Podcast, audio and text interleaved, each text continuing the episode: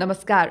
यो think society र UN वुमेनको सहकार्यमा तयार पारिएको कार्यक्रम कोभिड नाइन्टिनद्वारा सिर्जित तनावका लागि परामर्श पडकास्टमा यहाँलाई स्वागत छ। म यस कार्यक्रमको प्रस्तुता निष्मा ढुङ्गाना चौधरी।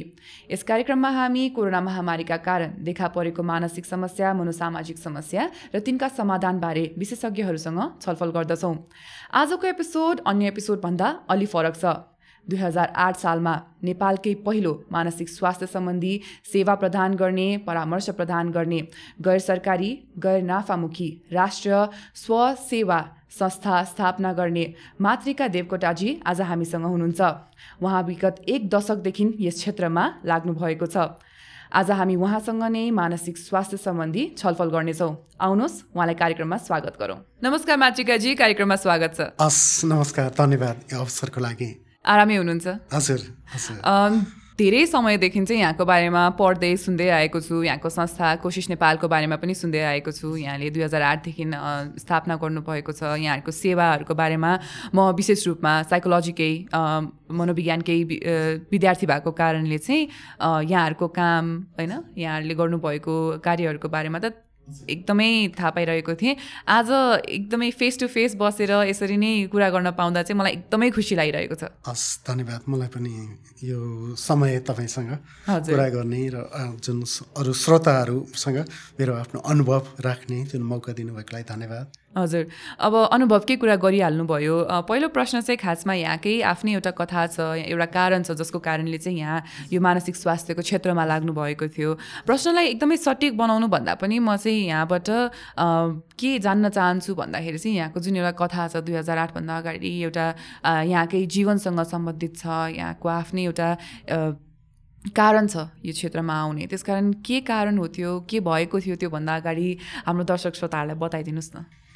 वास्तवमा कस्तो भने म एउटा पन्ध्र वर्षको उमेरमा नौ कक्षामा पढ्दै गर्दा अनि त्यसमा विभिन्न कारणहरू थियो होला तर ए त्यसपछि मलाई चाहिँ एकदमै थकाइ लाग्ने हुन थाल्यो।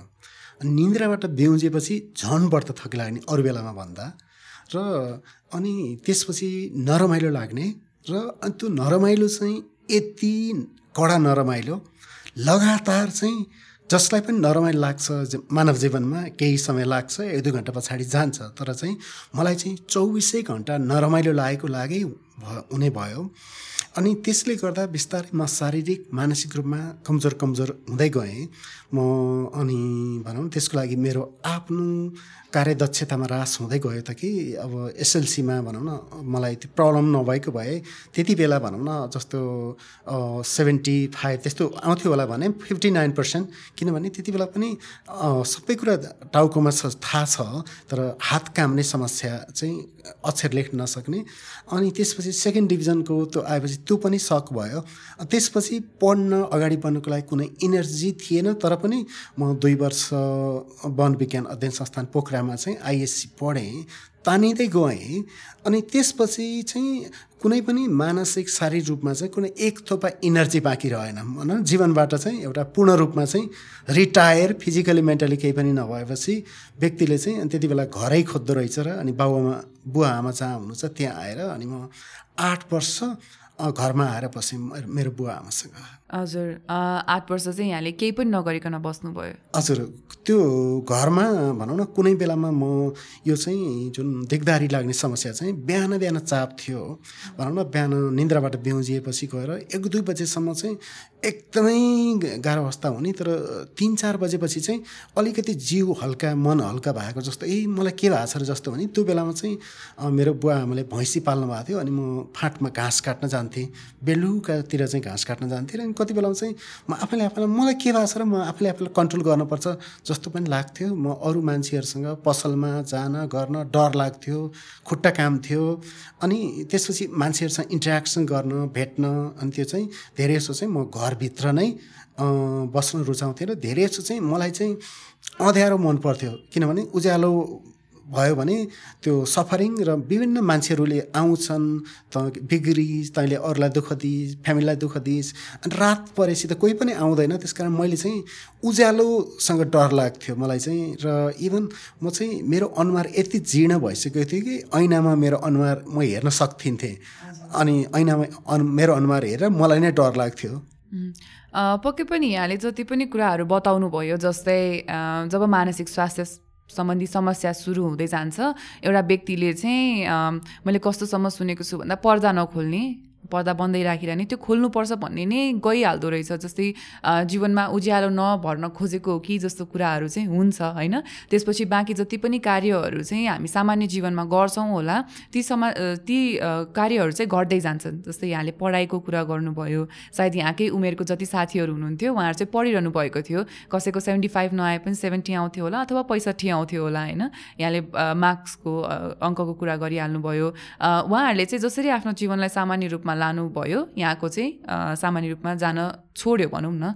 अलिकति प्रोडक्टिभ नहुने धेरै कामहरू गर्न नसक्नेतिर चाहिँ यहाँ जानुभयो र आठ वर्ष बस्नुभयो त्यसरी नै बताउ भनेर बताउनु भयो यहाँले। त्यसपछि चाहिँ के हुँदै गयो? आठ वर्ष त निकै लामो समय हो। पढाइ पढाइ लेखाइ गरिरहेको व्यक्तिले एक्कासी आफ्नो जीवन रोक्यो भने त्यो पनि त्यत्रो लामो समयको लागि अलिकति अप्ठ्यारै हुन्छ होला। त्यसपछि के भयो? जस्तो कि हामी नेपालीहरू र सरदर एउटा मध्यमवर्गीय परिवारमा चाहिँ के भने पढेर जागिरी खानुपर्छ कमाउनुपर्छ र एउटा निश्चित एज हुन्छ नि। त्यो एजमा बिहा गर्नुपर्छ परिवार सेटल गर्नुपर्छ भनौँ न।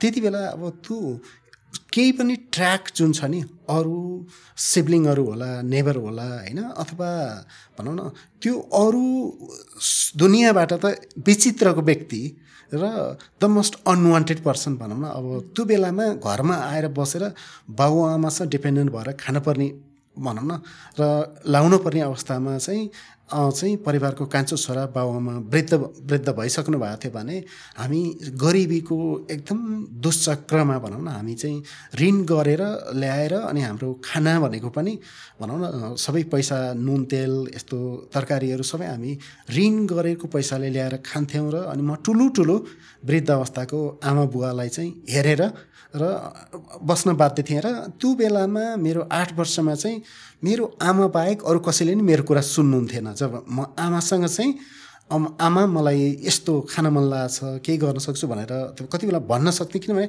आमाले सुन्नुहुन्थ्यो त्यति बेला। र त्यो आठ वर्ष चाहिँ मेरो आमा बाहेक चाहिँ मेरो यो पृथ्वीमै भनौँ न संसारमा चाहिँ मेरो कुरा सुन्ने भावना बुझ्ने चाहिँ संसारमा कोही पनि थिएन।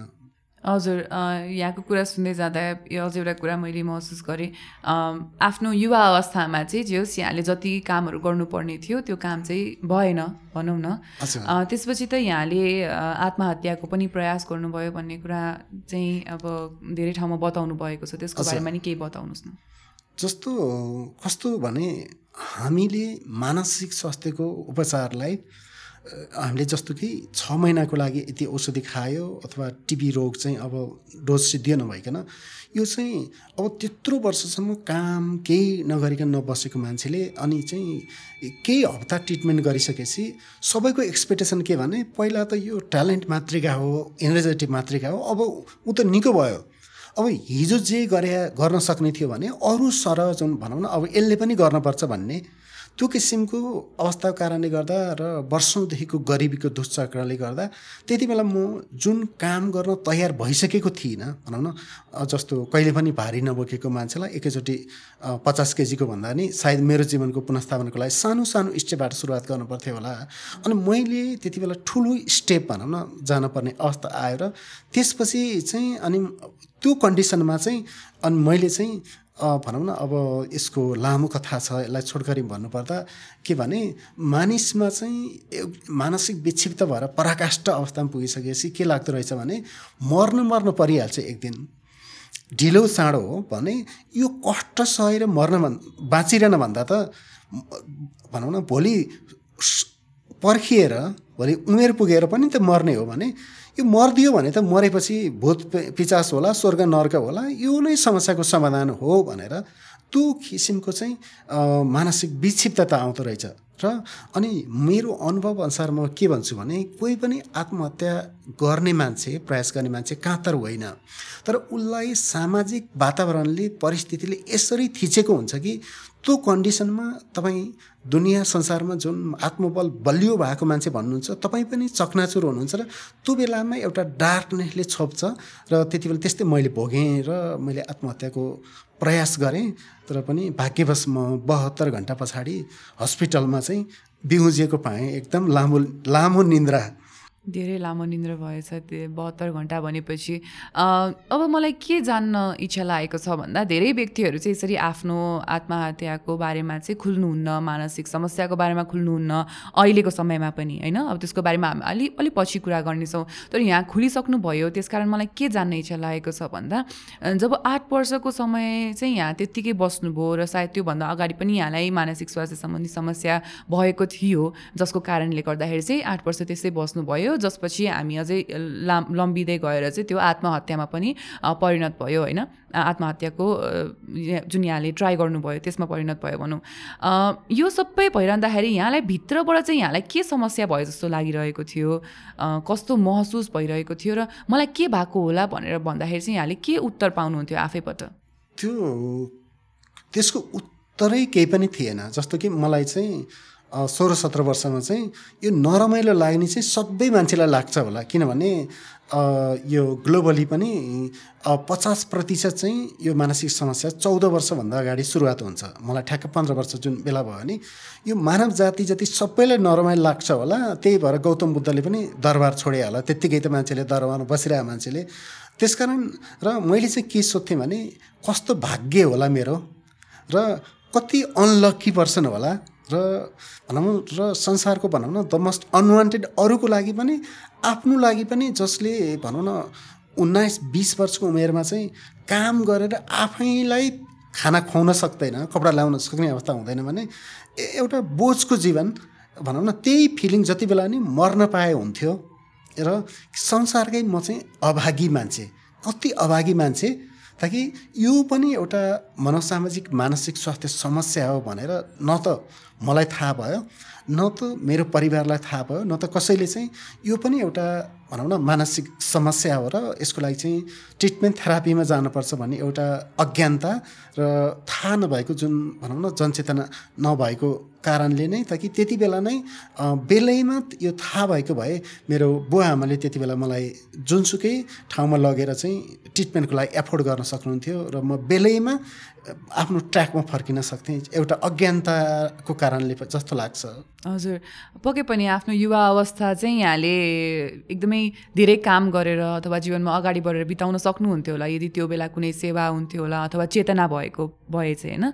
यहाँको कथा सुनिसक्दा त्यो समयमा चेतनाको कमी थियो भन्ने कुरा मैले बुझेँ। यहाँले कति बेला थाहा पाउनुभयो मलाई चाहिँ मानसिक स्वास्थ्य सम्बन्धी समस्या भएको रहेछ र यसको पनि परामर्श लियो भने ठिक हुने रहेछ यसको पनि औषधि हुने रहेछ। मैले चाहिँ अहिलेसम्म चाहिँ न नथाहा पाएको रहेछु मलाई चेतनाको कमी रहेछ भन्ने कुरा चाहिँ कुन बेला थाहा पाउनुभयो? जब म चाहिँ पच्चिस वर्षको उमेरमा पुगेपछि चाहिँ अनि कसैले चाहिँ यो मानसिक स्वास्थ्य समस्या हुनसक्छ भनेर कुरा गर्नुभयो। त्यसपछि हामी त्यहाँ गोर्खाको एउटा स्थानीय हस्पिटलमा चाहिँ उपचारको लागि गयौँ। तर त्यति बेलाको जुन मेडिकेसन त्यहाँ चलाउँदाखेरि त्यसको साइड इफेक्टले चाहिँ झन् म चल्नै नसक्ने भएँ। र तर त्यसले चाहिँ मेरो भित्र भएको जुन नरमाइलो ट्वेन्टी फोर आवरको त्यो चाहिँ रिड्युस भयो बिस्तारै। अनि त्यसपछि चाहिँ मलाई आशा लाग्यो अब त यो ट्रिटमेन्ट गर्ने इस्यु रहेछ भनेर। र त्यसपछि चाहिँ त्यो म चल्नै नसक्ने साइड इफेक्ट काठमाडौँ आयौँ र काठमाडौँमा आएर अनि हामीले चाहिँ नाम चलेको डाक्टरको विशेषज्ञकोमा गएर त्यहाँ चाहिँ पनि झन्डै सय डेढ सयजनाको लामो लाइन अनि गएर डक्टरसँग गएर त कुरा गर्न गएर त पाइएन तर अब एकछिन डक्टरले सोध्नुभयो। र दुई मिनट जति कुरा गरेर ल यो औषधि खानुहोस् तिन महिनामा आउनुहोस् भन्नुभयो। अनि त्यसपछि त्यो औषधिले चाहिँ त्यो ट्राइड किसिमको औषधि भनौँ न जुन आफ्नो शरीरमा सुट हुने औषधि चलाउनैको लागि पनि विभिन्न चोटि चाहिँ झन्डै छ महिना जति लाग्यो। केही पहिलाको भन्दा राम्रो त भयो तर ठ्याक्कै कुनै साइड इफेक्ट नभइकन सुट गर्ने औषधिको लागि लाग्यो। र त्यसपछि चाहिँ मैले चाहिँ भनौँ न यो त अब त म रिकभरीमा जाँदैछु अब त मेरो प्रब्लम सल्भ हुँदैछ भनेर म एक्साइटेड भएँ। र अनि त्यति बेला चाहिँ म अरू मान्छेहरूलाई आफन्तहरूलाई चाहिँ भनौँ न मलाई त यस्तो भएर रहेछ अब त म पनि ब्याक हुन्छु अब म पनि यो ट्रिटमेन्ट भइसकेपछि त I I will also contribute to my family society भन् जब भन्न थालेँ। अनि त्यसपछि चाहिँ अनि मान्छेहरूमा चाहिँ पहिला केही गर्न नसक्ने एउटा भनौँ निर्बल मान्छे भन्थ्यो भने पछि गएर चाहिँ ए फलानु त यस्तो सिद्धिएछ नि है। भनेर झन् नेगेटिभ कुराहरू भनौँ न जस्तो कि भेट्न आउनेहरूले नि ए यो डिप्रेसन भएकालाई त यो त निको त हुँदैन। यो त भनौँ न त्यो किसिमको नेगेटिभ कुराहरू चाहिँ आउन थाले। र मलाई एउटा उपचारको क्रममा कहिल्यै पनि एउटा पनि कुनै क्षण याद छैन कि कसैले मसँग आएर मातृका वाक जाउन जाउन एक एक चिया एक कप चिया खाउन भनेर कसैले मलाई चाहिँ सोधेको अनुभव मेरो मेरो जीवनमा छैन। र पछि मैले विभिन्न तवरबाट सङ्घर्ष गरेर जुन मेन्टल हेल्थको इस्युबाट बाहिर आएर अरूसँग काम गरे हुन सक्नलाई अट्ठाइस वर्षको उमेर हुँदासम्म झन्डै चाहिँ तिन वर्ष जति चाहिँ त्यो समस्याबाट ओभरकम भएर आउन नै मलाई समय लाग्यो। हजुर पक्कै पनि अब समस्या लामो भइसकेपछि त्यसको समाधान खोज्दा ओर्दा त्यो पुरै समस्या सकाउनलाई त समय लाग्छ नै। यहाँले बताउनु भयो जसरी यहाँले अलिकति आफ्नो साथीभाइ परिवारजनको पनि कुरा राख्नुभयो जसरी अब मलाई चाहिँ यस्तो मानसिक स्वास्थ्य सम्बन्धी समस्या भएको रहेछ। म त्यसको अहिले निवारणतर्फ लाग्दैछु म त्यसलाई निको पार्नतर्फ लाग्दैछु। त्यो निको भइसकेपछि म फेरि अहिले जुन मसँग म निर्बल जस्तो तपाईँहरूले देखिरहनु भएको छ म फेरि आफ्नो जीवन चाहिँ सामान्य रूपमा अगाडि बढाउन सक्छु भन्ने चाहिँ यहाँले आफूबाट हिम्मत देखाउनु भयो। तर उहाँहरूतर्फबाट त्यो आएन नि त। त्यसको लागि चाहिँ उहाँ अरू दुई हप्ता जति चाहिँ एक्साइटेड हुनुभयो दुई हप्तासम्म त भनौँ न त्यो त्यो भएको चाहिँ अब मलाई याद छ कसैले त अन्डा किनेर पनि ल्याइदिनु भयो। अनि र उहाँहरूको विचारमा चाहिँ डिजिज हो भने अब दुई हप्ता औषधि खाएपछि त हिजो भनौँ न जुन बेला समस्या नभएको थियो भने त्यसमा ब्याक आउनु पर्यो। अनि उहाँहरूको विचारमा ल ब्याक्टेरिया भाएर मारेर जस्तै भनौँ एउटा टाइफाइड भयो भने पन्ध्र दिनको शारीरिक समस्यालाई जसरी समाधान। गरिन्छ त्यसरी नै।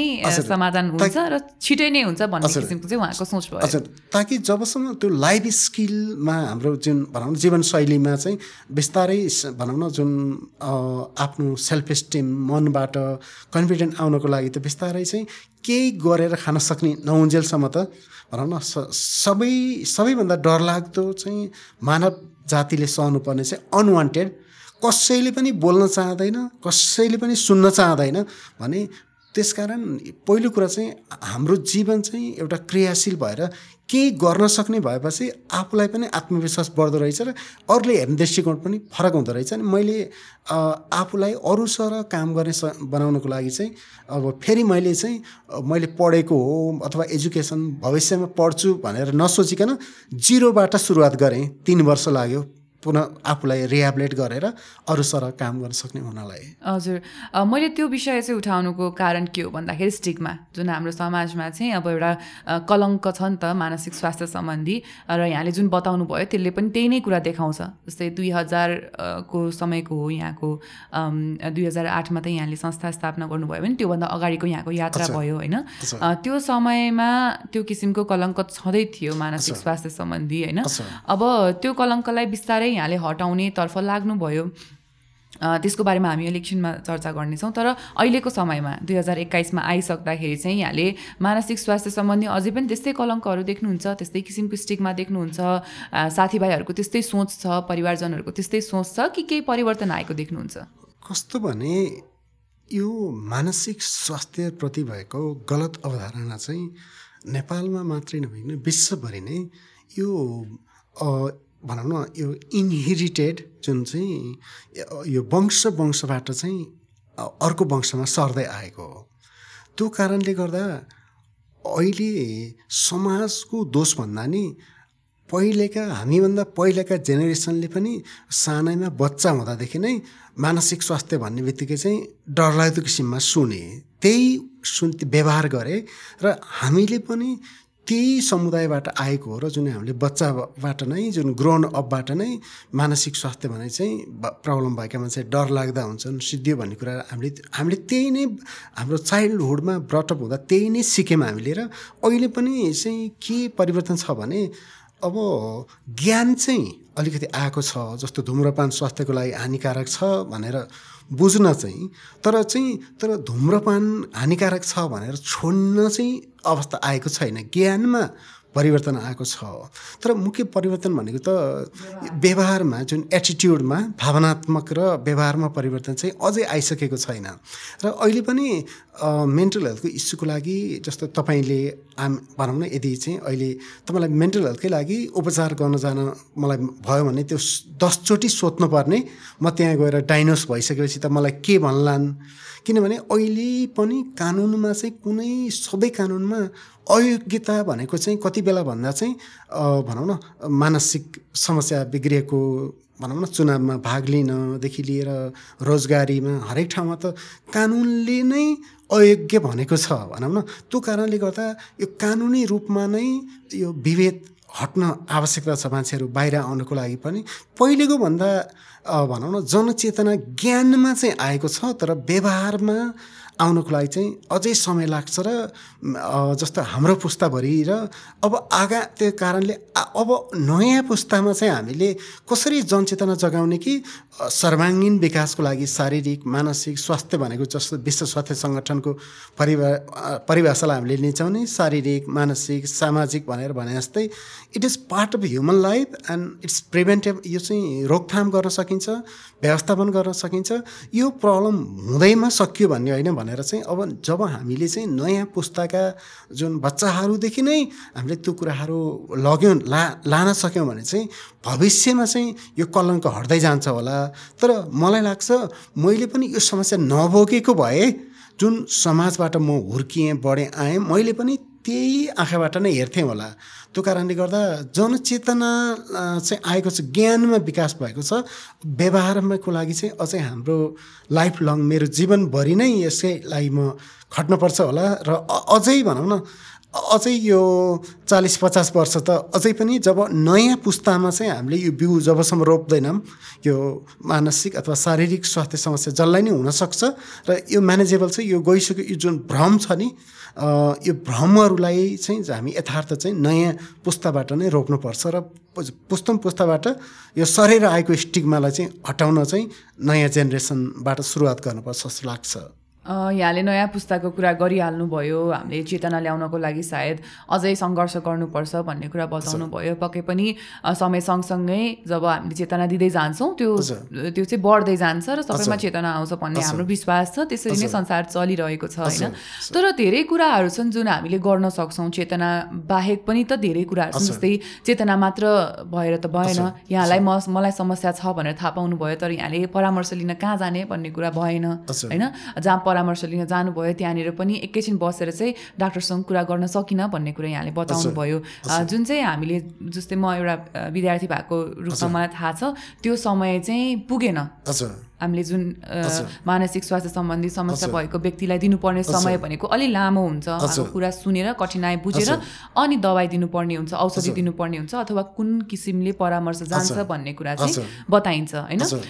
सेवामा पनि अलिकति मैले चाहिँ कमी देखेको छु भन्न चाहिँ मैले खोजेको हो होइन? अब त्यो बेला जस्तो सेवा थियो त्योभन्दा बढी त अहिले छ होइन? तर एउटा सरकारी रूपमा भनौँ होइन? हाम्रो गभर्मेन्ट रूपमा एउटा पोलिसीको हिसाबले चाहिँ के कस्तो कामहरू गर्न सकिन्छ होला? हाम्रो सरकारले के कस्तो कामहरू गर्न सक्नुहुन्छ होला? जसको कारणले चाहिँ चेतनाको लागि छँदैछ त्यस बाहेक अरू के के ठाउँमा छुन सकिन्छ होला?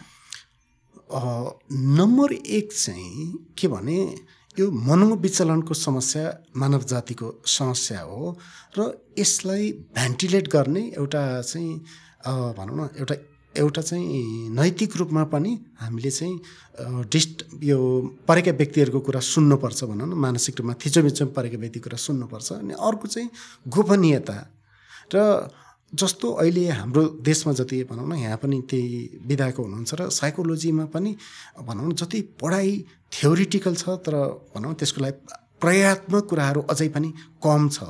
र सबै मान्छे पढ्दैमा परामर्शदाता हुनसक्छ भन्ने कुरा होइन जसको चाहिँ भनौँ न आफ्नो मानवीय स्वभावलाई सबै छोडेर एउटा तटस्थ भएर हामीले त्यो समस्या परेको व्यक्तिलाई सबै कुरा उसको कुरा त हामीले लिनलाई पूर्वाग्रह नभइकन र त्यसलाई गोपनीयता राख्नको लागि भनौँ न यो भनौँ न जस्तो मनोविज्ञानको सामाजिक कार्यको यो चाहिँ ठुलो अथवा क्लिनिकल पनि भनौँ न यो ठुलो चुनौतीको विषय हो। र जबसम्म यो भेन्टिलेट गर्नको लागि नि त्यो मानसिक पीडालाई बाहिर ल्याउनको लागि त वातावरण चाहियो। र मेरो अनुभवमा म पनि अहिले भनौँ न जुन यस यही विधामा चाहिँ भनौँ न मेरो निधाएको बेलामा सपना पनि यही विषयमा देखिरहेको होला। मेरो पुरै समय। र अहिले पनि मैले चाहिँ काठमाडौँमा गएर मैले मेरो जीवनमा भएका अन्तर्द्वन्द्वहरू अहिले भएका कुराहरू सेयर गर्नको लागि मलाई चाहिँ डर लाग्छ किनभने अब भनौँ न कुनै कुरा त यहाँ त नेगेटिभ रूपमा चाहिँ भाइरल बनाइदिनलाई भनौँ न त्यस त्यो मैले गएर कोहीसँग त्यो कुरा सबै भनेँ भने त्यो कुरा चाहिँ भनौँ न त्यो कुरा सबै बाहिर गयो भने त भनौँ न त्यसपछि त म त एउटा जोक्कर भनौँ न। त्यो कारणले जबसम्म यो भनौँ न लाइसेन्सिङको अवस्था र परामर्श अथवा सेवाहरूलाई चाहिँ गोपनीयतामा चाहिँ जब हामी चाहिँ यसलाई कानुनी रूपमा नै भनौँ न समस्या भएका व्यक्तिले भनेका चाहिँ कुराहरू चाहिँ कानुनी रूपमा नै गोपनीय राख्नुपर्छ। गोपनीयता भङ्ग गर्नेले चाहिँ कानुनी रूपमा जरिवाना भनौँ त्यसमा जानुपर्छ भन्ने त्यो खालको एउटा जुन भनौँ न विश्वभरि नै त सोसल वर्करका साइकोलोजिस्टका लाइसेन्स छन् होइन? र उनीहरूले जुन भनौँ सेवा दिन्छन् गर्छन् उनीहरूले त बाहिर यदि त्यो फ्लास आउट गऱ्यो भने त उनीहरूको जीवनभरि ज त काम त गयो जीवन त चट भयो भनौँ न प्रोफेसनली। भने हाम्रो यहाँ पनि कसरी त्यो एउटा कानुनी रूपमा पनि त्यो त्यसलाई लाने अर्को भनेको चाहिँ ठुलो समस्या भनेको हाम्रै समाजमा उसमा चाहिँ के छ भने हामी यो चाहिँ पूर्वाग्रह नराखिकन सुन्ने कुरा हाम्रो समाजमा चाहिँ के छ भने जल समस्या परेको मान्छेले सुनाउनु पर्ने ठाउँमा समस्या परेको मान्छेलाई समस्या नपरेको मान्छेले भनौँ न थेरापिस्टले चाहिँ सुनाउने जुन छ नि अथवा सामान्य भनौँ न एउटा समाजमा चाहिँ समस्या परेको मान्छेको छ भने उसलाई अर्थी बुद्धि दिने सल्लाह दिने र अरूले बोल्ने होइन कि अब चाहिँ मुख दिने होइन कि कान दिने त्यो समस्या परेका व्यक्तिहरूको सुन्ने खालको संस्कृति हाम्रो समाजमा छैन। हाम्रो समाजमा समस्या परेका व्यक्तिलाई चाहिँ टन्न ब्रेन वास गरेर उसलाई टक्क गएर अर्थी त्यो चाहिँ मेरो अनुभवमा चाहिँ मानसिक रूपमा विक्षिप्त भएको व्यक्तिलाई अर्थी सल्लाह उपदेश भनेको यी सबै बिख हुन्। किनभने त्यो व्यक्तिले आफूले चाहेर भनौँ न आफ्नो इच्छा शक्ति नभएर नभएर त्यो अवस्थामा पुगेको होइन। त्यो भनेको त एउटा कन्डिसन हो। र त्यो अवस्थामा चाहिँ हामीले कसरी त्यो व्यक्तिलाई चेन्ज गर्न भन्दा नि हामीले कसरी वातावरणलाई हामीले चाहिँ कम्फर्ट बनाइदिने त्यो व्यक्तिलाई ताकि उसले बाहिर आउन सकोस् आफ्नो सर्भिस सिक गर्न सकोस् भन्न सकोस्। र त्यसको लागि चाहिँ हामीले केही खालको सेवा त विकास भएको छ तर के भने भनौँ न विश्वभरि नैमा पनि ताकि मेन्टल इस्यु भएको व्यक्ति भनेको एउटा चाहिँ अब्जेक्ट हो। त्यसलाई चाहिँ ट्युनिङ गर्ने त्यसलाई सुधार्न खोज्ने त्यो होइन कि त्यो समस्या भनेको समाजबाट आएको हो र सामाजिक प्रब्लम हो र यसको रुट कजेस हो। रुट कजमा गएर त्यो व्यक्तिलाई बाहिर आउनको लागि चाहिँ एउटा इनेबलिङ इन्भाइरोमेन्ट चाहिँ क्रिएट गर्नु पऱ्यो हामीले चाहिँ हामीले चाहिँ अवरोध हटाइदियो भने त्यो व्यक्ति आफसे आफ नै त्यो समस्याबाट बाहिर आउँछ। त्यो व्यक्तिमा हामीले देख्नु भएन कि समस्या भनेको चाहिँ समाजमा छ उसको मनोवैज्ञानिक सामाजिक रूपमा समस्या छ र त्यसमा आउनको लागि चाहिँ हामीले कसरी सहजीकरण गर्न सक्छौँ? त्यो ब्यारि जुन अवरोध हटाउनको लागि हामीले काम गर्न आवश्यकता छ। हजुर। निकै राम्रो कुराहरू राख्नु भयो यहाँले। एउटा त सरकारी रूपमा के पहल गर्न सकिन्छ भन्ने कुराको अलि जानकारी दिनुभयो भने अन्त्यमा चाहिँ यहाँले समाजको रूपमा एउटा सामाजिक रूपमा चाहिँ के गर्न सकिन्छ भन्ने कुरा बताउनु भयो जस्तै हामी मनोसामाजिक भन्छौँ नि त होइन? मनमा समाजको असर अनि समाज भन्ने बित्तिकै समाज भन्दा पनि हामीले हाम्रो वरिपरिको वातावरणको कुरा गरिरहेका छौँ होला सायद परिवारको रूपमा पारिवारिक रूपमा गर्न सकिने सहयोगको कुराहरूको कुरा चाहिँ यहाँले उठाउनु भएको। यहाँले भन्नु खोज्दाखेरि चाहिँ अब हाम्रो दर्शक श्रोताहरूले अलिक त्यसलाई अर्को रूपमा पनि लिन लिनु होला होइन एकदमै संवेदनशील संवेदनशील विषय छ यो मानसिक स्वास्थ्य भनेको। जस्तै मैले मैले बुझ्छु यहाँले बताउनु भएको कुरा। तर के मानसिक स्वास्थ्य भनेको चाहिँ सबै समाजकै दोष हो त भन्ने प्रश्न आउला नि त? त्यसको खण्डन यहाँले कसरी गर्नु सक्नुहुन्छ? समाजको दोष होइन। किनभने जे किसिमबाट पुस्तौँ पुस्ताबाट जुन भनौँ न कलङ्क सरेर आएको छ नि त्यो चाहिँ हामी त्यो वातावरणमा नै हामी हामी हुर्किँदै आयौँ पुस्तौँ पुस्तामा। र अनि उहाँहरूले मानसिक स्वास्थ्य समस्या भएको व्यक्तिसँग डराउनु अथवा सशङ्कित हुनु भनेको चाहिँ त्यो उहाँहरूले जानेर गरेको होइन। उहाँहरूको गल्ती होइन कि यो भनेको भनौँ न अघिल्लो पुस्तादेखि नै बच्चा बेलादेखि नै मानसिक स्वास्थ्य भनेको चाहिँ नेगेटिभ छाप भएर ल्याएको छ नि त पुस्तौँ पुस्ताबाट जुन वातावरण।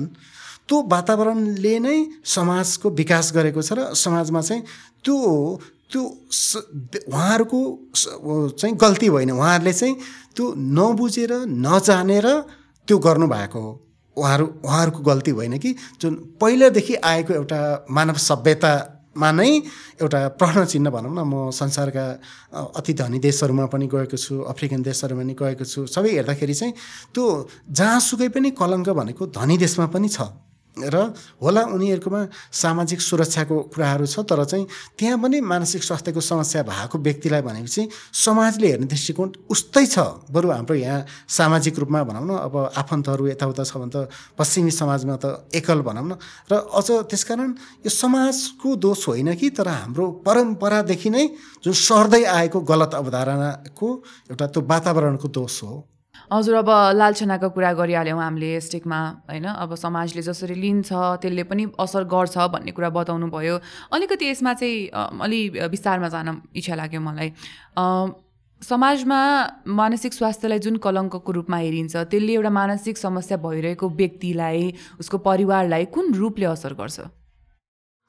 सबैभन्दा के भने जस्तो गलत अवधारणा छ नि भनौँ न मेन्टल हेल्थ इस्यु भएको व्यक्ति चाहिँ यदि छ भने उसको बालबच्चामा पनि यो प्रब्लम हुनसक्छ भनेर भनौँ न। अब यसले गर्दा बिहाबारीको समस्याहरूदेखि लिएर जस्तो भनौँ न यो सबैभन्दा मलाई मलाई व्यक्तिगत रूपमा चाहिँ यो राम्रो नलागेको चाहिँ जस्तो यो मनोचिकित्सक जुन यो विषयको त्यहाँ जाँदाखेरि धेरैलाई तपाईँको अब भनौँ न मामातिर आमाको पट्टिको कसैलाई यो समस्या थियो घरतिर कसैलाई थियो ताकि अरू पनि भनौँ न डायबेटिज हाइपरटेन्सन पनि कति जेनेरेसन टु जेनेरेसन होला तर यो चाहिँ के गलत अवधारणा छ भने एउटाबाट भनौँ न अर्कोमा सरेर जान्छ भन्ने एउटा भयो। र त्यसपछि अर्को के भने जस्तो कि यो मेन्टल हेल्थ इस्यु भएको व्यक्ति चाहिँ मानव उसले भनौँ न उसलाई कानमा आवाज आइरहेछ भ्रम उत्पन्न भइरहेछ भनौँ न अनि अर्को डरलाग्दो कुरा देखिरहेछ भनौँ न जब त्यो व्यक्ति तनावमा हुन्छ अनि त्यसपछि भनौँ न अलिकति उनीहरूले अनौठो व्यवहार देखेपछि अनि कति यो पनि छ कि परिवारलाई पनि चाहिँ अनि कि बाँधेर राख तेरो मान्छेलाई कि यो हाम्रो समाज सबै तैँले किन हामी अन्त बसाइ सर्छौँ होइन होइन भने बाँधेर राख। अनि भनौँ न तेरो त्यो मान्छेले आएर चाहिँ जे पनि गर्न सक्छ हामीलाई हाम्रो बच्चालाई मारिदिन सक्छ गरिदिन सक्छ। जस्तै अहिले भर्खरै भैँसे पार्टीमा चाहिँ हाम्रो महिलाहरूको लागि एउटा आवास सर्ट टर्म आवासीय ट्रिटमेन्ट सेन्टर छ। अनि यो कोभिड पछाडि चाहिँ अब भनौँ न एकैचोटि चाहिँ हामीले मेन फेसिलिटीमा ल्याएर भन्दा हामीले चाहिँ एउटा होल्डिङ सेन्टर ल्याएर उहाँहरूलाई चाहिँ भनौँ न आइसोलेसनमा राखेर यदि टेस्ट गरेर नेगेटिभ हुनुहुन्छ भने अरू सबैसँग मिसाउने। अनि यदि पोजिटिभ कोभिड छ भने चाहिँ कोभिडको लागि स्पेसल वार्ड गरेर चाहिँ घर खोज्दै लाग्दा अनि घर पाउन यति गाह्रो। अनि त्यसपछि भनौँ न अन्त्य जुन ठाउँमा मैले चाहिँ त्यहाँ घरको कुरा गरेँ त्यहाँ जाँदाखेरि चाहिँ अनि उहाँहरूले चाहिँ जस्तो कि यति ठुलो कुराको रूपमा तपाईँहरूले यहाँ राख्नु भने त हाम्रा बालबच्चा भनौँ न सेफ हुँदैनन्। भोलि तपाईँको मान्छेले गर्ला। अनि त्यसपछि मैले आफ्नो बारेमा नि भने म पनि यही समस्या भोगेर बाहिर आएर मैले अरूको लागि अहिले बाँचिरहेको छु।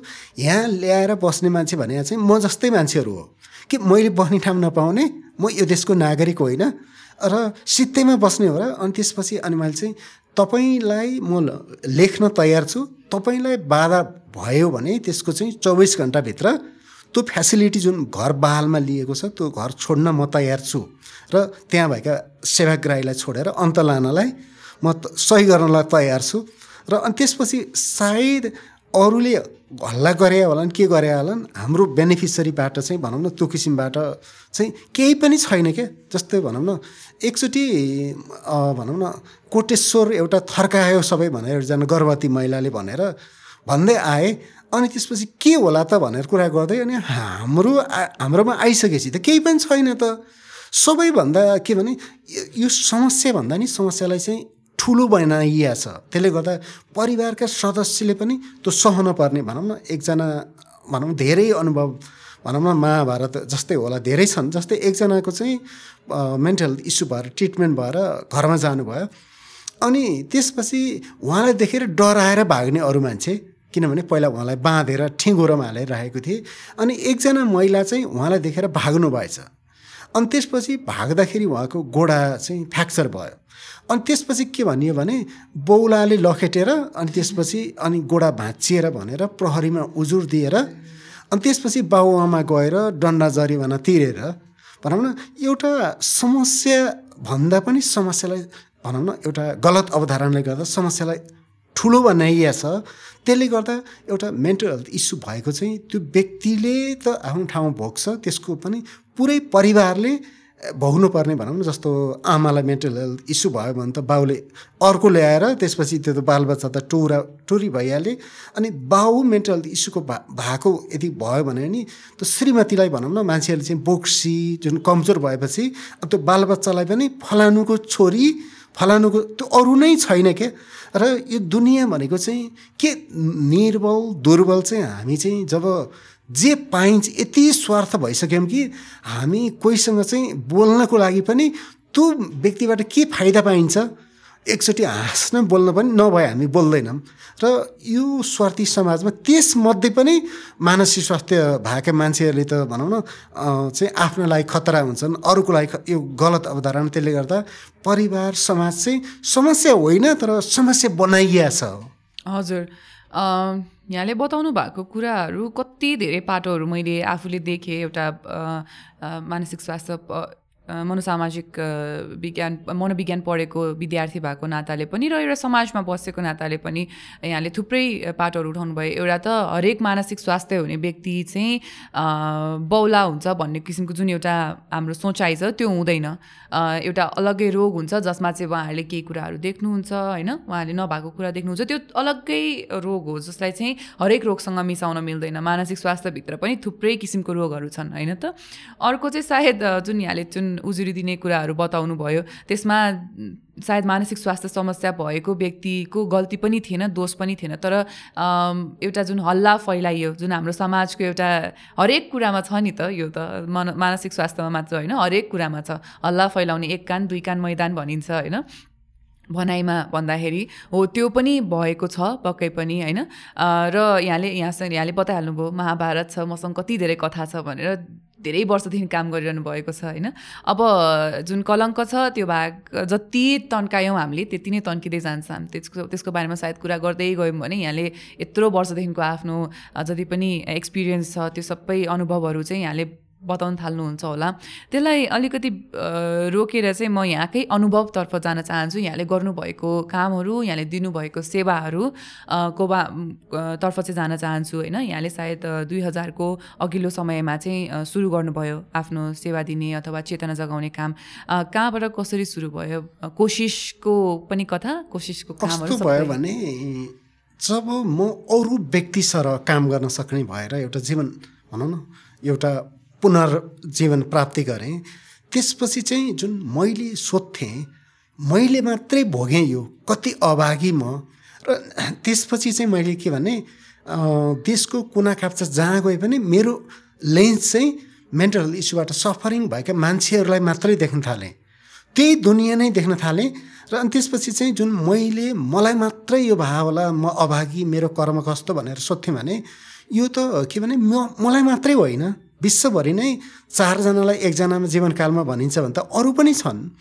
र यो विषयमा कुरै नहुने चर्चै नहुने र जुन भनौँ नेपालमा जुन चाहिँ अब भनौँ न सडचालिस सालको आन्दोलन पछाडि जब सङ्घ संस्थाहरू आए र जसको सवाल उसको आवाज जसको सवाल उसको नेतृत्व र भनेर जब त्यही वर्ग नै अधिकारमुखी अवधारणा अनुसार मेरो लागि अर्काले बोलेर मात्रै हुँदैन कि मै बोल्नुपर्छ भने जस्तै मानसिक स्वास्थ्यमा नि के लाग्यो भने मलाई भित्रबाट के आयो भने कुनै बेलामा समस्यामा भएका व्यक्तिहरू परिवारका सदस्य बाहिर आएर यो कलङ्कसँग लड्नपर्छ र यसलाई जबसम्म मूलधारको इस्यु बनाउनुको लागि त मै लजाउने अर्को नै लजाउने अब भनौँ न गरेर नभइकन चाहिँ यसलाई बाहिर पब्लिकमा ल्याउनु पर्छ र अनि मलाई त्यति बेला ठ्याक्कै मनमा के आयो भने यो मानसिक रोगबाट प्रभावित व्यक्तिहरूको नि एउटा छाता सङ्गठन हुनुपर्छ।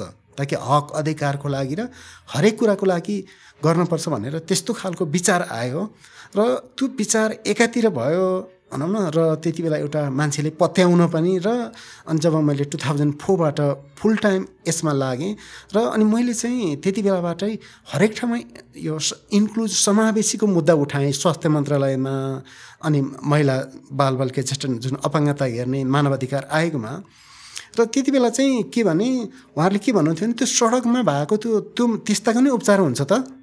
सडकमा भएको त्यो त्यस्ताको नै उपचार हुन्छ त? र त्यति बेला चाहिँ यस्तो थियो कि एकजना महिलाले चाहिँ सडकमा बच्चा पाउँछ अनि त्यसपछि त्यो बच्चा भनौँ न चाहिँ एडप्सनको लागि लान्छन् अनि त्यो महिलाले फेरि डेढ वर्षपछि फेरि अर्को बच्चा पाउँछ। र अनि त्यो खालको वातावरण र अनि जस्तै कारणले चाहिँ मलाई चाहिँ के आयो भने आवाज र हाम्रो कामलाई सँगसँगै लानुपर्छ। र जस्तो कि मैले मेरो कामको सुरुवात चाहिँ मेरै समुदायको गोर्खाको समुदायमा जुन म केटाकेटी हुँदादेखि नै उहाँलाई एउटा भनौँ न जुन समाजले चाहिँ फलानु गाउँ कि बौलाई भनेर उहाँ चाहिँ जुन सडकमै हुनुभयो हुनुहुन्थ्यो भने मलाई चाहिँ पहिलो मेरो पहिलो सहायता गरेको व्यक्ति चाहिँ मैले त्यो मेरो छिमेकी गाउँको आमालाई ल्याएर चाहिँ लगन हिलको मेन्टल हस्पिटलमा ल्याएर अर्को एकजना महिला सडकमा नै भएको महिलालाई दुईजना महिलालाई मेन्टल हस्पिटल राखेर भर्ना गराएर एकजना महिलालाई कुरुवा राखेर मैले त्यसरी उपचार गर्न सहायता गरेर त्यो आमालाई चाहिँ भनौँ न छब्बिस वर्ष पछाडि भनौँ न उहाँले फेरि गएर चाहिँ घर सम्हालेर अहिले पनि हजुरआमा भएर आमा भएर भनौँ न अहिलेको मैले इन्टरभेन्ट गरेको नि अठार बिस वर्ष अगाडि।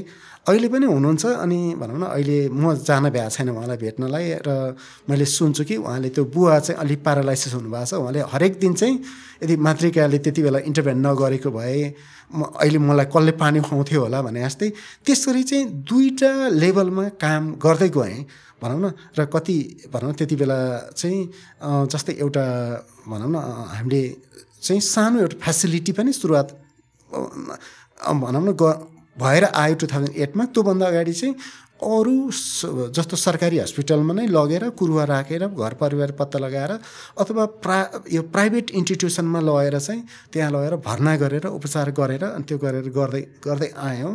र कोसिस सुरुवात हुनुभन्दा अगाडि नै जुन मेरो एउटा प्यासन चाहिँ एउटा अचम्म लाग्दो के हुँदो रहेछ भने त्यो समस्यामा गएर त्यो भनौँ न त्यो पाठशाला त्यो सिकेर अनि एम्प्याथी जुन समानुभूति भन्छ भने त्यो भइसकेपछि र आएर ब्याक भएर त्यही व्यक्तिको लागि काम गर्न पाउनु भने त्यहाँभन्दा अभाग्य र त्यो केही पनि रहन्छ र मैले सेवा अरूलाई दिएको होइन कि मैले पाइरहेको छु। मैले गिभ ब्याक मेरो जीवन पाएर अरूको जीवनको फ्ला जुन स्माइल ब्याकले मलाई यति इनर्जी दिएको छ कि मैले यति धेरै व्यक्तिहरूलाई चाहिँ सडकबाट नै संस्था सुरुवात हुनुभन्दा नै सहायता गरेँ। तर पछि गएर जब म चाहिँ यो सम्बन्धी काम गर्ने भनौँ न बेनिफिसरीहरू जुन सेवाग्राहीहरू प्रोफेसनहरू सबै भेट्दै जाँदाखेरि चाहिँ अब एउटा लिगलाइज चाहिँ भनौँ न एउटा चाहिँ तैँले नेतृत्व गरेर एउटा अर्गनाइजेसन हुनुपर्छ। र भन्ने क्रममा चाहिँ त्यो माग आयो। र म उन्नाइस वर्ष पछाडि ब्याचलर पढे पढेको मान्छेले अनि टु थाउजन्ड एटको चाहिँ सेप्टेम्बरमा मेरो फाइनल एक्जाम थियो थर्ड इयरको। अनि अगस्तमा त नसोचेको अनि त्यो संस्था दर्ता भयो। अटोमेटिकली त्यो प्यासन चाहिँ अर्गनाइजेसन कन्भर्ट भयो। अनि त्यसपछि चाहिँ अनि मैले सेप्टेम्बरको एक्जाम चाहिँ गएर लेखेँ। र त्यसपछि चाहिँ तुरुन्तै एक्जाम सिद्धिएर आएर लगन हिलको मानसिक अस्पताल अगाडि चाहिँ बस पार्कमा लगन हिल बस पार्कमा एउटा कोठा लिएर कोसिस भनेर चाहिँ मानसिक स्वास्थ्य समस्याबाट भुक्तभोगीहरूको चाहिँ सञ्जाल भनेर किनभने त्यहाँ लगन खेलमा चाहिँ धेरै त्यो समस्या परेको व्यक्तिहरू आउने। तपाईँ मात्रै एक हुनुहुन्न म पनि कुनै बेलामा चाहिँ समस्या भएर भोगेर आएको हो भने एकजुट हुनुपर्छ भनेर चाहिँ एउटा आवाज हामीले चाहिँ सँगसँगै लग्यौँ। र हामीले साथसाथै अनि हामीले टु थाउजन्ड टेनबाट चाहिँ हामीले थोरै भए पनि एउटा सेफ हाउस जुन त्यो अहिले मैले भने जस्तै भनौँ न एउटा एकजना महिलाले चाहिँ अब जस्तो सर्लाईमा चाहिँ सडकमा हुँदा नै बच्चा पाउनु भयो अनि त्यसपछि त्यो बच्चालाई त कहाँ लगिसके एडप्सनको लागि? आमा त्यहीँ। अनि त्यसपछि उहाँहरूले उपचारको लागि भनेर एप्रोच गर्नुभयो त्यो महिलाको लागि। अनि त्यसपछि अनि हामीले चाहिँ के भने त्यो बच्चा र आमा दुइटै ल्याउने हो भने चाहिँ हामी ल्याउँछौँ। आमालाई मात्रै ल्याउँदैनौँ। भनेपछि दुई तिन दिनमा त्यो बच्चालाई पनि खोजेर अनि ल्या ल्याउनु भयो उपचारको लागि। ताकि जबसम्म त्यो आमालाई एउटा भोलिसम्मको चाहिँ त्यो अवस्थामा नजाने किसिमबाट ताकि के रहेछ भन्ने मेरो अनुभवमा चाहिँ जुनसुकै अवस्थामा नि आमा आमा हुँदो रहेछ। अनवान्टेड जुन रेपबाट भएको बच्चा भयो भने त्यो बच्चा चाहिँ यति प्यारो हुँदो रहेछ उसको लागि। अनि त्यो महिला र बाल बच्चालाई हामीले लिएर आयौँ र ऊ यस्तो कडा खालको अवस्थामा थियो कि तर ल्याएको तेस्रो दिनबाट त्यो बच्चालाई आफ्नो बच्चालाई हुर्काएर उसको रिकभरीको लागि त्यो बच्चा हेर्ने काम नै थेरापी भयो।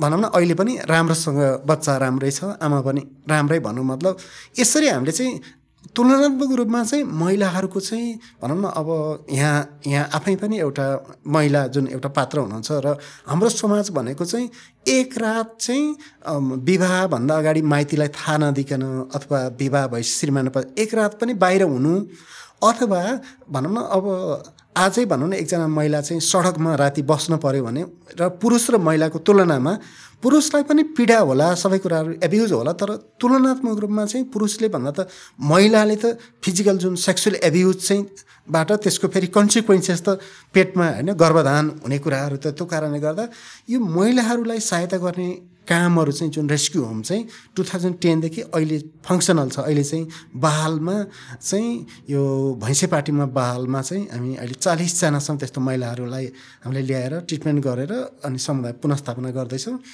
त्यस्तै एकचोटि चाहिँ त्यति बेलाको चाहिँ महिला बालबालिका कार्यालयको पचहत्तर जिल्लाको चाहिँ एउटा धुलीखेलमा एउटा कार्यक्रम रहेछ महिला भिखा अधिकृतहरूको। अनि त्यहाँ चाहिँ तिन दिनसम्म एकजना महिलाले चाहिँ बच्चा लिएर उभिएको उभिए दिनको दिनभरि रातभरि। अनि त्यो केस ल्याउनु भयो उहाँहरूले हाम्रोमा। ट्रिटमेन्ट भएर राम्रो भएपछि अनि एउटा सानो फेसिलिटी छ पन्ध्र बिसजनालाई राख्नेको लागि देशभरि फैलियो कोसिस छ अरे भनेर अनि त्यसपछि अनि म त टेलिभिजनमा नि गएर मेरो स्टोरीहरू भन्थेँ। त्यस त्यसपछि त यस्तो मैले फोन नम्बर दिएर गरेपछि त अनि मान्छेहरूले त भनौँ न थर्काएर फोन गर्न थालेँ। टेलिभिजनमा त खुब बोलिन्छ नि। अनि मैले चाहिँ त्यति बेला चाहिँ कति समय चाहिँ मोबाइलहरू चाहिँ अफ गरेँ मैले बन्द गरेँ। र ताकि र यो समस्या जुन भनौँ न केही महिला चालिसजना महिलालाई ल्याएर उपचार गरेर मेचीदेखि महाकालीसम्म हिमालदेखि पाहाडसम्म ल्याएर यो कुनै नौटङ्की भनौँ न एक किसिमको किनभने समस्या परिवारमा छ समाजमा छ जबसम्म त्यो रुट कजमा गइँदैन नि त्यहीँ गएर त्यो कारणले गर्दा अहिले भनौँ न हामीलाई पछि गएर चाहिँ के महसुस भयो भने उनीहरूलाई महिलालाई हिंसामा परेको महिलालाई परिवारबाट ल्याएर ल्याएर हाम्रोमा ल्याएर फेरि भोलिको फलामको चिउरा ताकि अब नाइन्टी पर्सेन्ट जति महिलाहरूलाई त हामीले त्यो भनौँ न चार वर्ष पाँच वर्षसम्म लगाएर उनीहरूको कानुनी हक लाइभलीहुडको कुराहरू गरेर समुदायमा पुनस्थापना गऱ्यौँ। तर दस प्रतिशत जुन रेप भिक्टिम महिला र बच्चा हुँदा त उनीहरूको लागि घरमा जाने ढोका पनि बन्द भएपछि अरू वैकल्पिक रूपमा चाहिँ अगाडि बढायौँ। तर यसको लागि चाहिँ अनि हामीले चाहिँ अब पछि गएर त अब यो त भनौँ न हामीले त गाउँ गाउँमा टोल टोलमा गएर यो समस्या त्यहीँ समाधान गर्नुपर्छ। यो समाजको बाट आएको सम समस्या हो भनेर अनि यसलाई अब हामी चाहिँ एउटा सेन्टर छ तर यसलाई व्यवस्थित रूपमा बाल तिर्न नपर्ने अब आफ्नै जग्गामा हामीले सात रोप्ने जग्गा किनेर फर्पिङमा खेतीपाती गरेर त्यस्तो अवस्थाका महिलाहरूलाई दोउनो गाई पालेर कुखुरा पालेर फार्मिङ गरेर सेल्फ सस्टेन गराउनुतिर लान्छौँ तर लङ रनमा चाहिँ भनौँ न हामीले चाहिँ टु थाउजन्ड टेनबाट नै पनि हामीले चाहिँ वरिपरिमा चाहिँ मेन्टल इस्यु भएका व्यक्तिहरूको सेल्फ हेल्प ग्रुपहरू बनाएर भक्तपुरमा धादिङमा र उनीहरूलाई म इम्पावरमेन्ट गरेर उनीहरूको जीविका पार्जनको कामहरू गरेर उहाँहरूको जुनसुकै खालको मेन्टल हेल्थको सेवाहरू प्रदान गरेर अगाडि बढाउँदै लग्यौँ र अहिले हामीले चाहिँ प्रोभिन्स एकमा चाहिँ हामीले स्ट्रङली काम गरिरहेको छौँ र प्रोभिन्स टु र सुदूरपश्चिममा चाहिँ हामीसँग युएन वुमेनको कोभिड पछाडिको चाहिँ छ महिनाको प्रोजेक्ट थियो। त्यो प्रोजेक्ट अहिले तत्कालै सिद्धिएको छ र अनि हामी चाहिँ अहिले चाहिँ गण्डकीमा चाहिँ हाम्रो स्ट्रङली प्रेजेन्स र छ अहिले हामीले गण्डकीमा चाहिँ गोर्खा लमजुङ तनहु र कास्कीमा कार्यक्रम र अनि अगाडि बढाउँदैछौँ। र हामी अब चाहिँ प्रोभिन्सहरूमा पनि गएर चाहिँ सामाजिक विकास मन्त्रालयसँग चाहिँ समन्वय गरेर र जुन अरू स्वास्थ्य सेवाका लागि जुन राइट टु हेल्थ छ अस्पतालहरू छन् भने त्यो प्रदेशमै भएका ती ठुला अस्पतालहरूमा चाहिँ मानसिक सेवा चाहिँ किन छैन त नेचर अनुसारको? जनशक्तिसहित र यो इस्युको लागि चाहिँ अब अबको दस वर्ष चाहिँ अब कुनै बेलामा भनौँ न एउटा सडकबाट भएका केही व्यक्तिको लागि सुरुवात गऱ्यौँ भने अब यो अब भनौँ न तिस पैँतिसजनाको लागि सेवा पनि हाम्रो कन्टिन्युटी हुन्छ तर हामीले चाहिँ अब चाहिँ जहाँ हाम्रो समुदायमा स्ट्रङ कार्यक्रम छ समुदायसँग प्लानिङ गरेर मात्रै छोटो समयको लागि ल्याउँछौँ। र अब नत्र समुदायबाट टिपेर ल्याएर हाम्रोमा रिकभर बनाएर भोलि त त्यही समुदायमा लहर छोडिदिएर जस्ताको जस्तै त्यो कारणले हाम्रो जहाँ टार्गेट एरिया छ त्यहाँका मान्छे जस्तो उदाहरणको लागि हामीले तनहुमा सात वर्ष जति त्यहाँ काम गऱ्यौँ र तनहुमा चाहिँ सडकमा अथवा बाँधेको थुनेको कोही पनि बाँकी छैन र होइन त्यसको चाहिँ फेरि समस्या बल्झिएर पनि गएन किन फलोअप गर्न सक्यौँ। त्यो कारणले अब समस्या समुदायमै छ र हेल्थ इन्स्टिट्युसनहरू अब जुन देशले त सङ्घीय लेभलबाट भनौँ लेभल र स्थानीय तहसँग गएर त भनौँ प्रोभिन्स लेभलको गरिसक्यो नि अबको हेल्थको स्ट्रक्चर पनि डिसेन्ट्रलाइज हुनुपर्छ र र कति कुराहरू भन्दा भन्दा लाग्दैन र भनौँ न र एक र मान्छेहरूले भनौँ न एउटा प्यासन ब्याकग्राउन्डबाट आएको मान्छेलाई चाहिँ के हुँदो रहेछ भने अलिकति कडासँग बोलेर एसर्टिभ गएर बोल्न थाल्यो भने नि यसले औषधि खान छोड्यो कि आज? अथवा त्यहीसँग बाँचेर अनि त्यसपछि भनौँ न एउटा विश्वास ट्रस्ट चाहिँ भनौँ न एउटा राज्यको लेभलमा नि त्यही भएर अहिले सर्वोच्च अदालतमा केही मुद्दाहरू चाहिँ अहिलेको वर्षमा चाहिँ जान बाध्य भएको छौँ सर्वोच्च अदालतमा चाहिँ सरकार विरुद्धको मुद्दा हाल्नलाई बाध्य भएको छौँ जस्तै उदाहरणको लागि मैले दुईवटा मुद्दा एउटा चाहिँ मानसिक स्वास्थ्य बिना स्वास्थ्य छैन भने यो स्वास्थ्य मन्त्रालयको संरचनामा चाहिँ चाहिँ मेन्टल हेल्थ पनि भनौँ टप डाउन र बटम अपमा प्रायोरिटी हुनुपर्छ भनेर सर्वोच्च मुद्दा त्यो अग्रा अधिकारमा अगाडि बढेको छ। त्यस्तै सुसाइड प्रिभेन्सनको लागि चाहिँ जुन भनौँ न नेपालमा two thousand nine nineteen ninety एटमा आत्महत्या चाहिँ दोस्रो मृत्युको प्रमुख कारण थियो। पन्ध्रदेखि उन्चास वर्षका महिलाहरूको मृत्युको भने टु थाउजन्ड एट नाइनमा चाहिँ पहिलो लिडिङ कज अफ डेथ जुन महिलाहरूको मृत्युको पहिलो कारण चाहिँ आत्महत्या हो भनेर जुन रिसर्चले आइसकेको छ भने अनि आत्महत्याको बारेमा त आत्महत्या गर्यो अरे भनेर भन्छन् तर आत्महत्या किन गर्न बाध्य भयो नि भन्दैनन् र आत्महत्या रोकथामको लागि कुनै इन्टिग्रेटेड सरकारको स्टडी पनि छैन। त्यसको लागि चाहिँ सर्वोच्चमा चाहिँ मुद्दा हालेर सरकारले चाहिँ यो स्वास्थ्यको विषय साथसाथै कृषि मन्त्रालयको पनि पेस्टिसाइड म्यानेजमेन्टको कुरासम्म जाने त्यो कारणले अनि मुद्दा हाल्न बाध्य भएर सर्वोच्चमा र आवाज चाहिँ भनौँ न अब सडकबाटदेखि लिएर सदनसम्मदेखि लिएर सर्वोच्चसम्म सबैसम्म चाहिँ र अनि अर्को मोटो भनेको चाहिँ एउटा चाहिँ हामीले कोसिसले भनेको हामी भनेको एउटा भुक्तभोगी पीडित भएर आएका हौँ र जुन हामीले अरू व्यक्तिको जीवनमा केही गरेर जुन फ्ल्यासब्याक चाहिँ जुन हामीले स्माइल ब्याक पाएका छौँ नि त्यो स्माइल ब्याकलाई रोक्न सक्दैनौँ। पिपुलको लागि हामी हो ज हामी थ्योरी होइन यो सिद्धान्तका कुरा गरेर एउटा भोको मान्छेलाई चाहिँ गएर ल चाहिँ पेटभरि तातो खाऊ है कपडा नभएको मान्छेलाई चाहिँ डर राम्रो न त्यो त्यो किसिमको चाहिँ यो खोक्रो आदर्शले केही गर्दैन।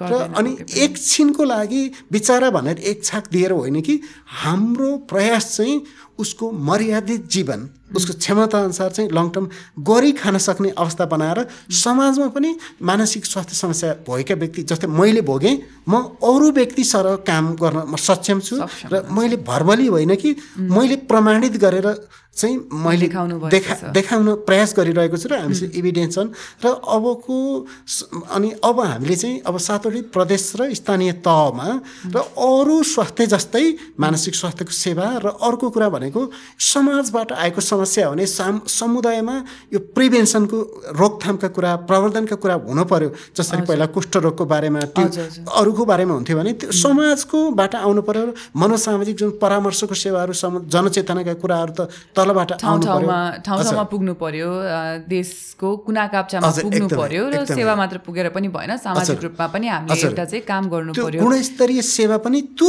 व्यक्तिलाई केले काम गर्छ सर्भिस मात्रै लगाएर थोपरेर पनि भएन। सेवा मात्रै दिएर पनि भएन जनतालाई त्यो आउनको लागि वातावरण चाहिँ भनौँ न र जस्तो। भनौँ न अहिले हामीले अपाङ्गता अधिकार ऐनमा मनोसामाजिक अपाङ्गता मानसिक हत राख्नको लागि जुन भनौँ न टु थाउजन्ड सेभेन्टिनमा जुन एक्ट आएको छ नि ताकि अहिले हामीले चाहिँ एउटा प्याराडाइम सिफ्ट चाहिँ अवरोध हो अपाङ्गता भनेको र मेन्टल हेल्थ इस्यु भएका व्यक्तिले पनि समाजमा ठुलो अवरोध र अहिले चाहिँ त्यो कानुनअनुसार चाहिँ जस्तो कि अपाङ्गता भएको व्यक्तिलाई कसैले भनौँ निरुत्साहन गर्यो त्यस्तो गर्यो भने चाहिँ दण्ड चाहिँ अब।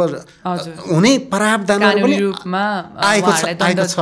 र जस्तो अन्तर्राष्ट्रिय महासन्धि जुन भनौँ न अधिकारको लागि जुन अवरोध भोगिरहेका व्यक्तिहरूको लागि त्यो त्यो त्यसलाई चाहिँ हामीले ग्रासरुटमा लगेर अब चाहिँ स्टिकमा होइन कि तिमीसँग उल्टो अधिकार छ राइट छ यो राइटको वेपनलाई हतियारलाई लिएर लड।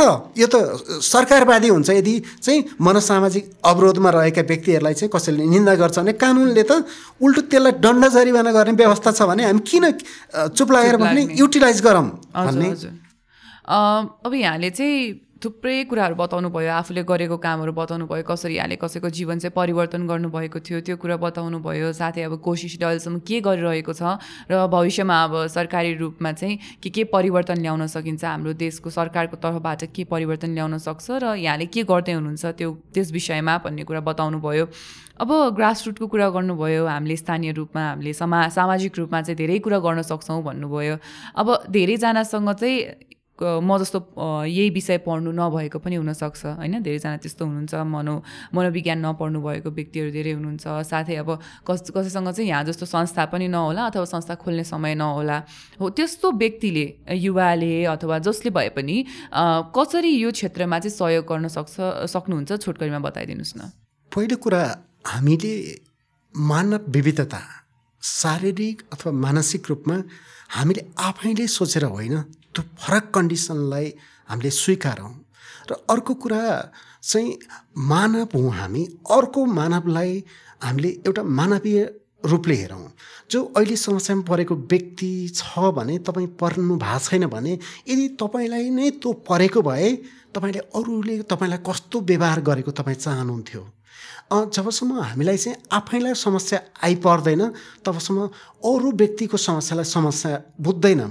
त्यो कारणले यो मानव विविधताको मानसिक रूपमा विचलन हुने पनि एउटा अवस्था हो र त्यो व्यक्तिलाई परिवर्तन गर्नुभन्दा पनि त्यो व्यक्तिमा जुन फरक खालको एउटा व्यावहारिक रूपमा परिवर्तन आएको छ भने त्यो व्यक्ति उदाहरणको लागि भनौँ न कसैले एउटा कानमा आवाज आइरहेछ कानमा उसलाई धम्की आइरहेछ अथवा उसको कानमा चाहिँ उसको बच्चा रोएको मलाई ड्याडी मार्यो मार्यो भनेर कानमा आवाज आइरहेछ त्यो मान्छे चाहिँ भनौँ न आत्तिरहेछ र अनि त्यो किनभने उसको त्यो कन्डिसन हो कि उसले कानमा चाहिँ त्यस्तो खालको आवाज सुनिरहेको छ अनि उसले चाहिँ आफ्नो बच्चा मऱ्यो अथवा कोही आफन्त भनेर ऊ आत्तिरहेको हुन्छ भने त्यति बेला चाहिँ अनि हामीले चाहिँ के भन्छौँ भने कानमा आवाज आउने भए त मैले नै आउँथ्यो नि आकाशवाणी त चाहिँ भगवान् होस् आ छैन चुप लाग भनेर अनि हामी त्यतातिर जा लाग्छौँ। र अनि त्यसपछि त्यो व्यक्तिले जसले आफ्नै कानले सुनेको छ उसले त आफ्नो सुनेको कुरा विश्वास गर्छ त्यो व्यक्तिले प्रतिकार गर्छ अनि त्यसपछि बिस्तारै ल यो बौलायो भनेर बाँच्छौँ। त्यो नमानिकन हामीले चाहिँ उसलाई जुन कन्डिसन छ त्यसैमा स्वीकारौँ। यदि उसलाई भनौँ न कानमा धम्कीपूर्ण आवाज आएछ भने उसलाई चाहिँ भनौँ न तपाईँ सँगसँगै म पनि छु। मानौँ मेरो बच्चालाई कसैले मार्दैछ भने बच्चाको आवाज त्यहाँ उसको आफ्नो आइ आइरहेछ भने उसलाई चाहिँ त्यो बच्चासम्म कसरी रिच गराउने? त्यसपछि तपाईँको बच्चाको त्यस्तो आवाज आइरहेछ भने उसको बच्चालाई त्यहाँ ल्याइदिएर कि उसलाई त्यहाँसम्म लगिदिएर कि अनि त्यो बच्चा मेरो बच्चा सेफ रहेछ भनेर उसले उसको आँखाले देख्छ। अनि त्यसपछि उसैले आफैले आफैलाई चाहिँ ए मलाई त भ्रम भए रहेछ। त्यति बेला कुरा भनेर भन्छ। र हामीले चाहिँ के भने जुन सत्य हो जुन कानमा समस्या भएको व्यक्तिहरूले चाहिँ अरूले नकुरेको कुरा सुन्न सक्छन् अरूले नदेखेको कुरा देख्न सक्छन् त्यो फरक अवस्थामा आउने भनेको उसले ल्याएको होइन। त्यति बेला चाहिँ पूर्वाग्रही भएर त यो हो त होइन भन्न भन्दा नि ती व्यक्तिलाई चाहिँ जस्तो अवस्थामा छन् त्यस्तै अवस्थामा म तिमीसँगै छु। भनेर यो समस्या भएको व्यक्ति परिवर्तन हुनुभन्दा नि हामीले मानवीय रूपमा चाहिँ समस्या भएका व्यक्तिहरूको चाहिँ एउटा भनौँ न जुन डाइभर्सिटी छ नि यो फरकपना हरेक व्यक्तिको त्यो कन्डिसनलाई बुझौँ र कोही पनि व्यक्ति म्याड हुँदैन कोही पनि व्यक्ति पागल हुँदैन। यो शब्द नै हाम्रो डिक्सनरीबाट हटाउनुपर्छ र सबै खालका भनौँ अनुभूतिहरू भनेका मानव जीवनका अनुभूति हुन्। यो र त्यो अनुभूति हुँदाखेरि चाहिँ उनीहरूको त्यो अनुभूतिलाई एलाउ गर्नुहोस् र उसलाई पूर्वाग्रही भएर यसो गर उसो गर भनेर उसँग डिफेन्ड होइन कि उसलाई म तिम्रो लागि एभाइलेबल छु भनेर चाहिँ सहायता दिउँ। र हामी समस्या भोगेका व्यक्तिहरूले पनि गिभअप नगरौँ। होला हाम्रो सपोर्ट सिस्टम खोजौँ।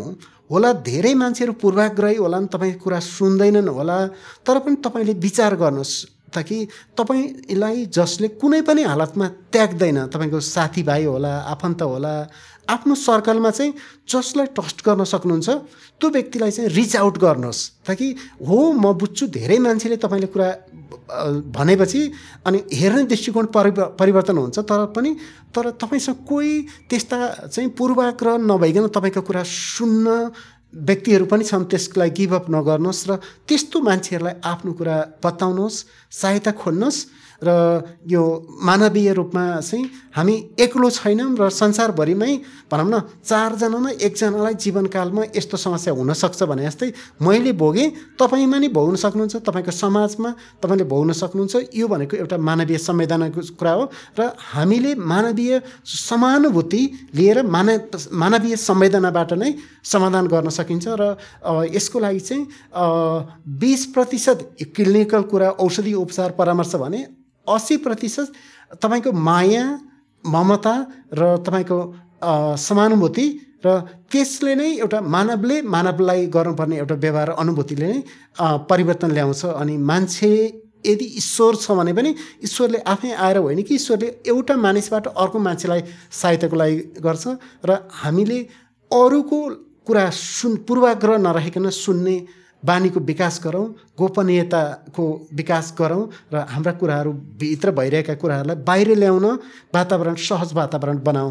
हस् धेरै धन्यवाद। पक्कै पनि मातृकाजीले अहिले एकदमै महत्त्वपूर्ण विषय उठाउनु भयो एउटा त समाजको रूपमा सामाजिक रूपमा हामीले के गर्न सक्छौँ? हामीले जसरी हेरिरहेका छौँ सायद आफ्नो दृष्टिकोणलाई नै परिवर्तन गऱ्यौँ भने र आफ्नै आफ्नो छेउको साथीभाइ होइन भाइ बहिनीहरूलाई पनि अझै जानकारी दियौँ भने सायद राम्रो हुँदै जान्छ होला र केही वर्ष पछि चाहिँ मानसिक स्वास्थ्यलाई जुन नजरियाले हेरिन्छ त्यो नजरिया पनि फेरिएला।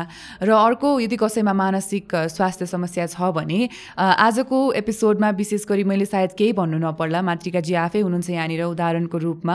उहाँले जसरी आफ्नो जीवन चाहिँ आठ वर्षसम्म त्यसै थामिएको जीवन जब उहाँ क्रियाशील हुनुहुन्न थियो उहाँले केही कार्यहरू गर्नु हुँदैन थियो र उहाँले हारिसक्नु भएको जुन जीवन थियो उहाँले आत्महत्याको प्रयास पनि गर्नुभएको थियो। यदि उहाँ चाहिँ ठिक हुन सक्नुहुन्छ भने पक्कै पनि यहाँहरूलाई जस्तो सुकै किसिमको मानसिक स्वास्थ्य सम्बन्धी समस्या भए पनि संसारभरि त्यसको औषधि छ उपाय छ उपचार छ भन्ने कुरा चाहिँ बुझ्नुपर्छ भन्ने आवश्यक छ होइन? मातृकाजी आज यहाँले हामीलाई समय दिनुभयो यत्तिका कुरा बताइदिनु भयो त्यसको लागि धेरै धेरै धन्यवाद र विशेष धन्यवाद चाहिँ आफ्नो जीवनमा हार नखाएर जीवनलाई अगाडि बढाउनु भयो आफू क्रियाशील हुनुभयो साथै अहिलेको समयमा जति पनि विगतको दस वर्षभन्दा पनि लामो समयदेखि जति काम गर्दै हुनुहुन्छ यहाँले अरूलाई पनि आफ्नो जीवन क्रियाशील बनाउन जुन सहयोग गर्नुभएको छ मानसिक स्वास्थ्यमा यहाँको योगदान छ त्यसको लागि चाहिँ म हाम्रो टिमको तर्फबाट धेरै धेरै धन्यवाद भन्न चाहन्छु। मलाई पनि अवसरको लागि यहाँ आएर मेरो ज्ञानभन्दा पनि अनुभव सेयर गर्ने मौका दिनुभयो। धेरै धन्यवाद। हस् धन्यवाद माजिकाजी। यस पडकास्ट मार्फत हामीले मानसिक स्वास्थ्य सम्बन्धी चेतना ल्याउने मूल उद्देश्य राखेका छौँ। आजको एपिसोडबाट यहाँलाई मानसिक स्वास्थ्य सम्बन्धी जानकारी भयो होला भन्ने हामी आशा गर्छौँ। यस कार्यक्रमलाई सुन्नका लागि यहाँले हामीलाई वाइटिएस केयरको सामाजिक सञ्जाल र युथ थिङ्कर सोसाइटीको वेबसाइटमा पनि भेटाउन सक्नुहुन्छ। यति मात्र नभई यो कार्यक्रम प्रदेश नम्बर दुई र सुदूरपश्चिम प्रदेशको एफएम स्टेसनमा पनि प्रसारण हुनेछ। प्रदेश नम्बर दुईका लागि radio Tarai radio Malangwa radio Pirganj र रेडियो मिथिलाञ्चल साथै सुदूरपश्चिम प्रदेशको लागि दिनेश एफएम र रेडियो सुदूरावाजमा यहाँले हामीलाई सुन्न सक्नुहुन्छ। यस कार्यक्रमप्रति आफ्नो कुनै जिज्ञासा अथवा गुनासा रहेमा क्याप्सनमा दिएको प्रतिक्रिया फारमभरि हामीलाई सचेत गराउन सक्नुहुन्छ। कोभिड नाइन्टिनद्वारा सिर्जित तनावका लागि परामर्श पडकास्टमा हामी यहाँलाई आवश्यक पर्ने मानसिक स्वास्थ्य सम्बन्धी जानकारी दिन्छौँ। आउने एपिसोडमा पनि हामी मानसिक समस्या मनोसामाजिक समस्या र त्यसका प्रश्नहरूको बारेमा छलफल गर्नेछौँ। त्यसकारण सामाजिक सञ्जाल मार्फत हामीहरूसँग अपडेट भइरहनु हुन यहाँहरूमाझ आग्रह छ। यदि यहाँहरूलाई कुनै मानसिक अथवा मनोसामाजिक समस्या भएमा यहाँले टिपिओ नेपालको टोल फ्री नम्बरमा सम्पर्क गरेर मद्दत माग्न सक्नुहुन्छ। टिपिओ नेपालको टोल फ्री नम्बर रहेको छ एक छ छ शून्य एक शून्य दुई शून्य शून्य पाँच। यो सेवा बिहान आठ बजेदेखि बेलुका छ बजेसम्म उपलब्ध छ। थप यहाँहरूले कोसिस नेपालको टोल फ्री नम्बरमा पनि सम्पर्क गरेर मद्दत माग्न सक्नुहुन्छ। प्रदेश नम्बर दुईको लागि उहाँहरूको नम्बर रहेको छ एक छ छ शून्य तिन तिन पाँच दुई शून्य एक एक। सुदूरपश्चिम प्रदेशको लागि उहाँहरूको नम्बर रहेको छ एक छ छ शून्य एक शून्य पाँच छ सात एक पाँच। बागमती प्रदेशको लागि उहाँहरूको नम्बर रहेको छ एक छ छ शून्य एक दुई दुई तिन दुई दुई। आत्महत्या रोकथामको लागि मानसिक अस्पताल लगनखेलको नम्बर रहेको छ। एक एक छ छ। यी सबै सेवाहरू निशुल्क छन्। यति भन्दै आजको पडकास्टबाट म निष्मा चौधरी यहाँहरूबाट बिदा माग्न चाहन्छु। नमस्ते।